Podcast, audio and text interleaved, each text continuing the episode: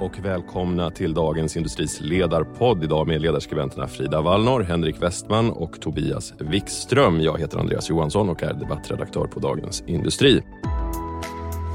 Idag ska vi fokusera på krigets konsekvenser i energifrågan och de ekonomiska effekterna av kriget i Ukraina. I förra veckan så steg oljepriset till cirka 130 dollar fatet, framför allt som en följd av att USA, Kanada och Storbritannien inför ett embargo mot Ryssland.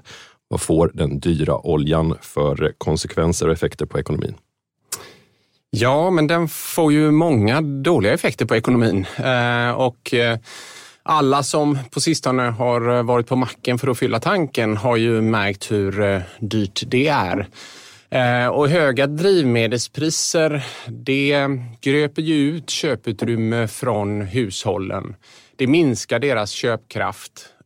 Det är också dåligt för företagen. Det skapar ovisshet. Även de drabbas av dyrare drivmedel. Men också viktigt är ju att olja är en viktig insatsvara i, i mycket som tillverkas. Så att allt som allt, eh, kostnaderna stiger, det blir eh, ökad ovisshet, man håller tillbaka investeringar och eh, tillväxten i slutändan påverkas negativt. Dieselpriset vid macken var uppe på över 26 kronor, alltså rekordnivåer. Vad, vad kan vi förvänta oss framåt med, med utvecklingen på oljan och eh, i slutändan eh, drivmedelspriserna? Jättebra fråga. Jag tror att det viktigaste framåt är hur eh, kriget i Ukraina kommer att utvecklas. Får vi positiva signaler så kommer vi också få en positiv effekt på oljepriset. Det finns väldigt lite idag som som kan eh, så att säga kompensera för, för det här eh, utbudet som har försvunnit från marknaden, alltså den ryska oljan. Eh, Ryssland är en väldigt stor oljeexportör. Eh, beror lite på hur man räknar, men de finns i alla fall på topp tre.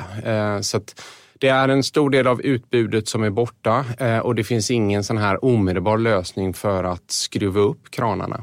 En sak där, i och för sig, som det pratas lite grann om nu när det gäller outsiders och utbud på oljemarknaden är ju Iran som ju också har med Ryssland att göra i och med att Ryssland är med i de här förhandlingarna om eh, Irans eh, kärnprogram som ju har varit igång väldigt länge och som Biden har sett som en stor eh, prestigeprojekt vad det verkar att, att rädda det här eh, som Trump rev upp. Så där är en möjlig uppsida får man ändå säga. För Iran producerar ju väldigt mycket olja som har hållits borta från marknaden under ja. lång tid. Ja. Sen är frågan om hur, hur, hur snabbt man kan få till det och hur, det, hur snabbt det kan nå marknaden. Och problemet nu är att man skulle behöva oljan och gasen här och nu. Ehm, så att hur man än vänder och vrider på det så kommer ju ehm, oljan och gasen vara dyr. Eh, i det korta perspektivet. Men det märks ju på politikerna, för att nämna Joe Biden igen, hur desperata man är, hur det här slår också politiskt. Oj, nu har ju ja. Biden-administrationen till och med skickat en delegation till Venezuela för att man ska förhandla med Maduro-regimen där som man liksom inte har tagit i med tång på flera år. Att de nu ska öka exporten till USA av olja. Så det är ju väldigt uppenbart att det är en så känslig politisk fråga också. Ja, det är ju jätteintressant tycker jag Frida, det du tar upp nu, USA överhuvudtaget. För där har det ju då eh, funnits, så att säga, man har rört sig bort från, från olja och oljeutvinning i USA. Och om, om, om USA skulle ha velat så kan de ju faktiskt vara en nettoexportör av, av olja. Det är en väldigt, väldigt politisk fråga det här med att röra sig bort från det fossila in i det förnybara. Även i USA ska man säga. Eh, det är det ju i, i Europa också. Ja, absolut. Alltså mm. Bidens mm. hela agenda nu när han gick till val handlar ju mycket om den gröna omställningen, precis som många europeiska politiker. Men, men det var ju verkligen hans grej att nu ska det liksom, jag är inte för fracking bland annat och det fick han ju extremt mycket kritik av från, från Republikanerna. Men nu är det en väldigt tydlig omsvängning vi hör i hans retorik så det är ju väldigt intressant. Drivmedel och energipriser eh, driver inflationen. Vad kan vi förvänta oss eh, vad det gäller räntehöjningar framåt? Ja, det driver inflationen. Jag tror det är viktigt dock att, att hålla isär energiprisökningen å ena sidan och inflationen å den andra. Och centralbankerna brukar ju vara väldigt duktiga på att separera det här. Um, nu är det ju så att vi har en, en, en hög inflation ändå uh, för att priserna höjs på så mycket andra andra varor. Ehm, men energin är ju intressant för det finns ju vissa farhågor om att de, de här höga priserna kommer bita sig fast och då måste ju plötsligt centralbankerna börja agera på det också. Och det blir ju en väldigt, väldigt olycklig situation när vi har höga, central, eller hö, höga energipriser så har du centralbanker eh, å andra sidan som börjar agera på det. Eh, ja, vad kan vi förvänta oss? Eh, ikväll onsdag eh, kommer centralbanken i USA, Federal Reserve, med väldigt stor sannolikhet höja räntan med 25 punkter. Eh, och vad prognosmakarna säger eh, är att vi kommer få se ytterligare 3 till 5 höjningar i USA. Eh, men vi kommer ju få se sannolikt tidigare lagda räntehöjningar även i, i Sverige. Ni, eh, regeringen la i veckan fram stödåtgärder till bland annat Sveriges bilister då, som ett svar på eh, de här höga eh, drivmedelspriserna. Eh, man, eh, sänkt drivmedelsskatt, pausad reduktionsplikt och kompensation på 1000 kronor till alla bilägare. Tobias, är det här ett bra förslag? Ja, det har ju, framförallt den sista delen har ju faktiskt hånats rätt mycket, den här tusenlappen till alla bilägare. Det kommer ju tydligen då gå både till elbilar och till veteranbilar och till de som inte kör någonting alls. Men när det gäller den viktiga delen då, eh, kompensationen för drivmedelspriserna, så Ja, det är ju naturligtvis en politisk fråga och då kan man ju säga att det rör på sig väldigt mycket i riksdagen nu. Och eh, det stora oppositionspartiets ekonomiska talesperson Elisabeth Svantesson bedömer ju att regeringen kommer att köras över i den här frågan och det blir en större, eh, vad ska vi säga, eh, skattesänkning eller hur de nu väljer att göra det tekniskt eh, än vad regeringen föreslår. Betydligt större.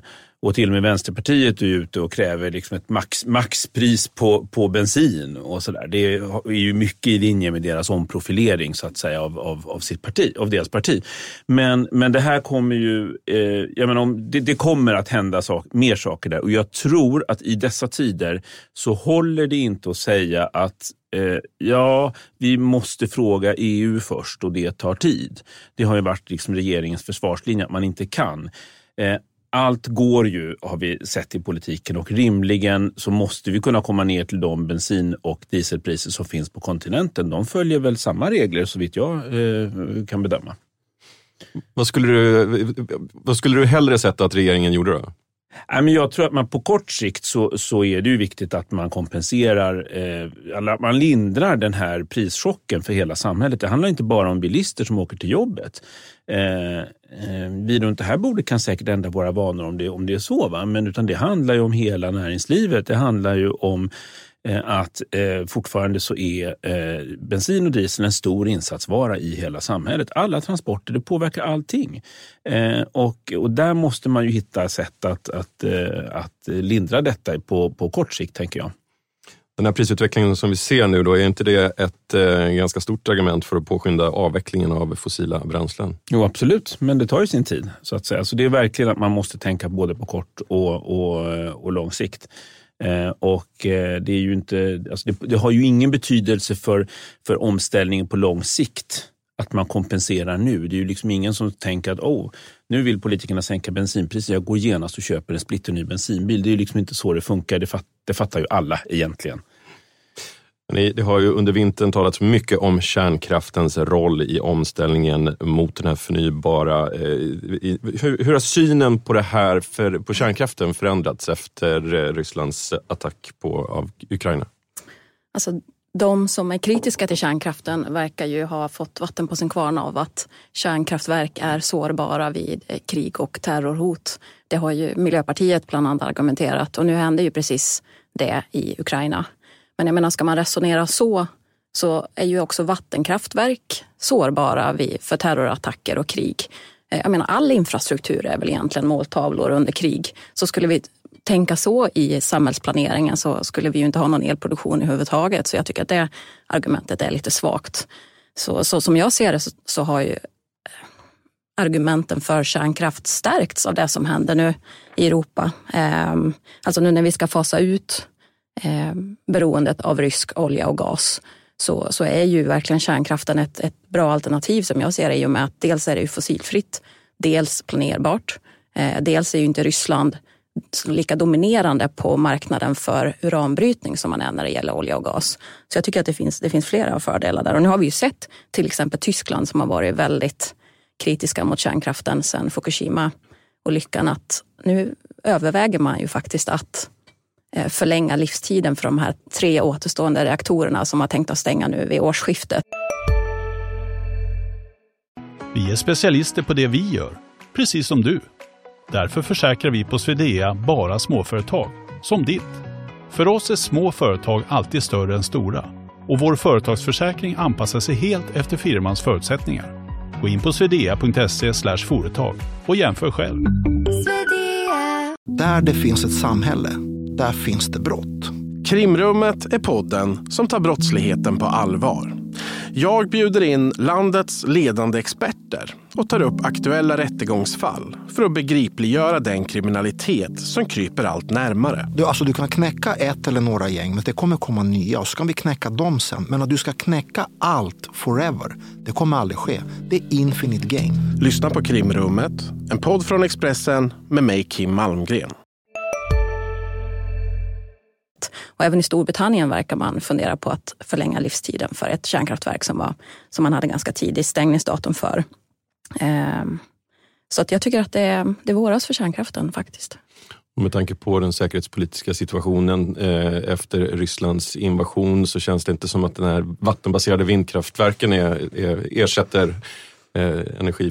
Vad säger du Frida?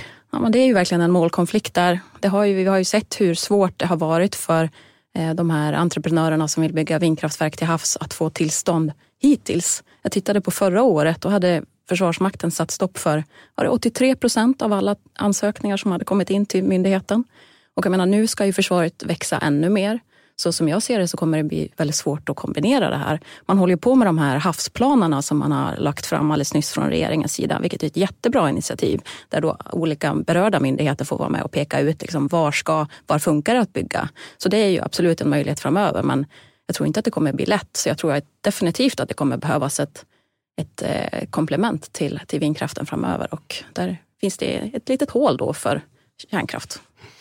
Energidebatten var ju infekterad redan innan kriget. Vilken temperatur har den fått nu? Alltså den svenska debatten, eh, den känns ju, om man lyssnar på regeringen så känns det ju inte som att det händer särskilt mycket. Om man tittar på vad som händer i andra länder så är det ju jämförelsevis väldigt tyst i Sverige. Här fortsätter ju regeringen att bara hänvisa till vad som händer på kontinenten som orsaken till att de svenska elpriserna går upp.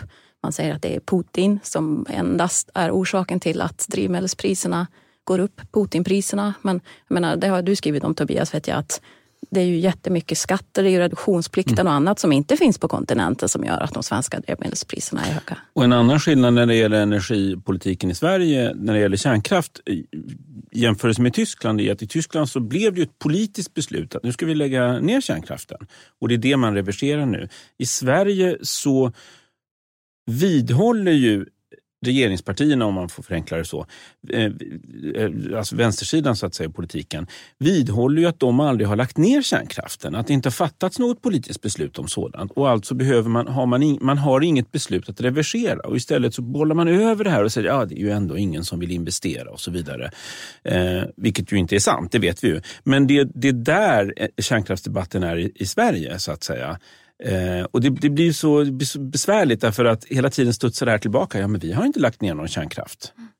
Men de flesta ser ju att det är det som har skett ändå. Ja. Och pratar man med experterna så, så är det ju många som påpekar att hade vi haft mer planerbar kraftproduktion i södra Sverige idag så hade vi inte alls varit lika beroende av de europeiska gaspriserna till exempel. Så att det där hänger ihop i och med att vi har en eh, gemensam elmarknad inom EU. Så, så det tycker jag är att inte erkänna den liksom svenska delen i den här problematiken. Vi har ju indirekt varit med och gjort oss så här beroende av, av rysk energi. Men nu som vi såg det i, i måndags så verkar det ju faktiskt finnas eh, svenska entreprenörer som är intresserade av att investera i svensk kärnkraft framöver. Den här nya tekniken med små modulära reaktorer. Eh, och det har ju hela tiden varit energiministerns argument att Jo, självklart går det att bygga ny kärnkraft i Sverige, men det finns ju ingen som vill betala för det. Men, men nu säger ju de här entreprenörerna, vi är villiga att betala, men lagstiftningen måste ändras för att vi ska kunna satsa på det här långsiktigt. Så jag tycker att, att bollen är tillbaka på politikernas planhalva igen. Ja, jag håller verkligen med och man får ju hoppas att ur detta så kommer en kanske mer nyanserad debatt om hur eh, hur energin ska säkras och hur den här omställningen mot förnybart ska faktiskt gå till. jag har känslan av, och det kanske ni också har, men jag har känslan av att det har funnits en stor portion eh, aningslöshet i, i det här. Att man har svängt bort från allt som är fossilt. Man har velat fasa ut kärnkraften och så har man hoppats på det bästa. Och så kom då kriget i Ukraina som så plågsamt visade vår eh, sårbarhet eh, verkligen i den här frågan. Så förhoppningsvis kan det födas en i, lite längre fram en, en, en, mer nyanserad debatt om hur vi, ska, hur vi ska faktiskt lösa det här och vad som är realistiskt eh, mm. tidsmässigt. Man undrar också det här med institutionella investerare. Det har vi varit inne på tidigare, att det har varit tidigare svartlistat att investera i vapenindustrin som ju nu börjar ändras som en följd av kriget. Man kan ju undra om det kommer att ske en liknande förändring när det gäller investeringar i till exempel i fossila energikällor. Verkligen. Ja. Jag tycker det var intressant i veckan eh, med eh, Tysklands finansminister ju, eh, som, som du nämnde i, i din ledare i, idag, onsdag. Att, att man faktiskt ser framför sig ökad prospektering och kanske också utvinning i Nordsjön. Det hade ju varit otänkbart ett sådant uttalande för tre, fyra veckor sedan. Mm. Kriget är ju främst en humanitär katastrof med stort mänskligt lidande och i förra veckan sa Migrationsverket att ungefär 4 000 ukrainska flyktingar kommer till Sverige varje dag. Den siffran väntas öka framöver. Nu vill regeringen införa ID-krav för att ta sig in i Sverige. Hur tolkar du det Tobias?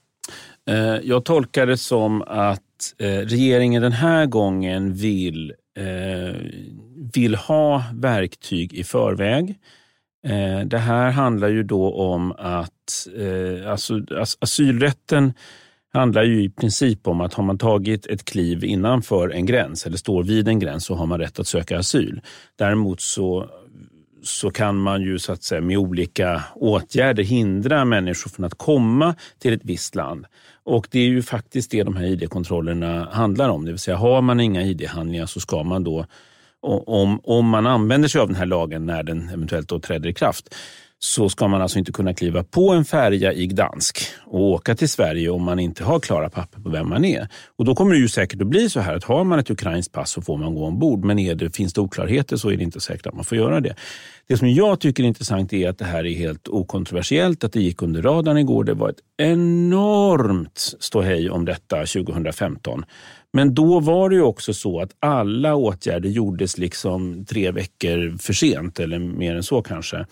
Eh, och det var väldigt, väldigt laddat. Men jag tror att regeringen gör klokt i detta därför att även om vi har enormt djupa sympatier för Ukrainas folk och det känns som ett, ett när, nära, vad ska vi säga, ehm, en nära konflikt och vi är i det närmaste ett grannland och, eh, och så vidare och svenska folket har öppnat både sina hjärtan och sina hem. Så är det ju klart att det är lätt att se att det här kan bli, eh, att det kan bli kaotiskt.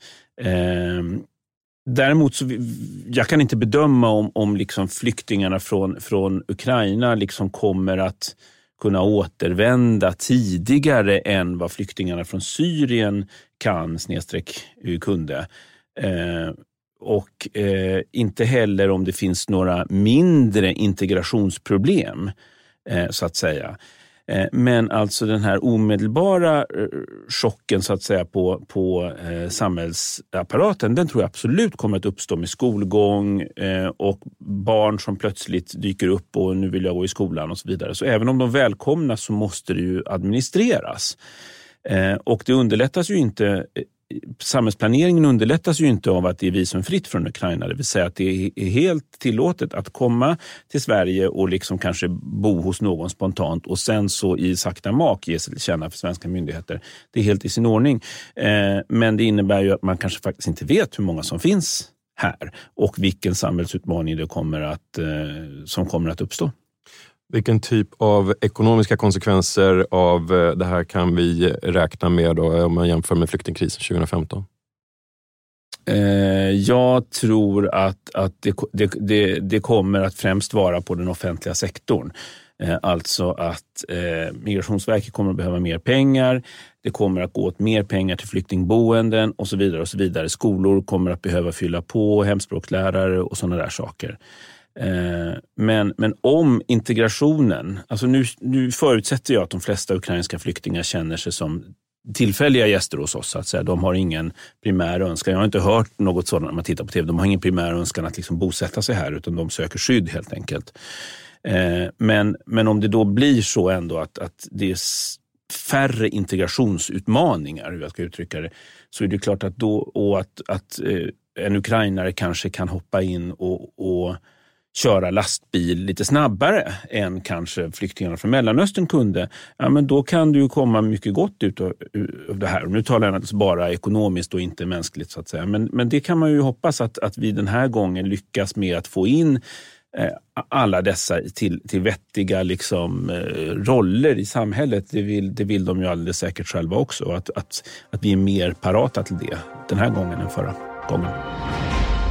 Tack för det Tobias Wikström, Henrik Westman, Frida Wallnor. Vi hörs igen nästa vecka. Missa inte DIs andra poddar. Analyspodden, Makrorådet, Digitalpodden och Smarta pengar finns där poddar finns. Ansvarig utgivare är Peter Fallman. Tack och. Hej,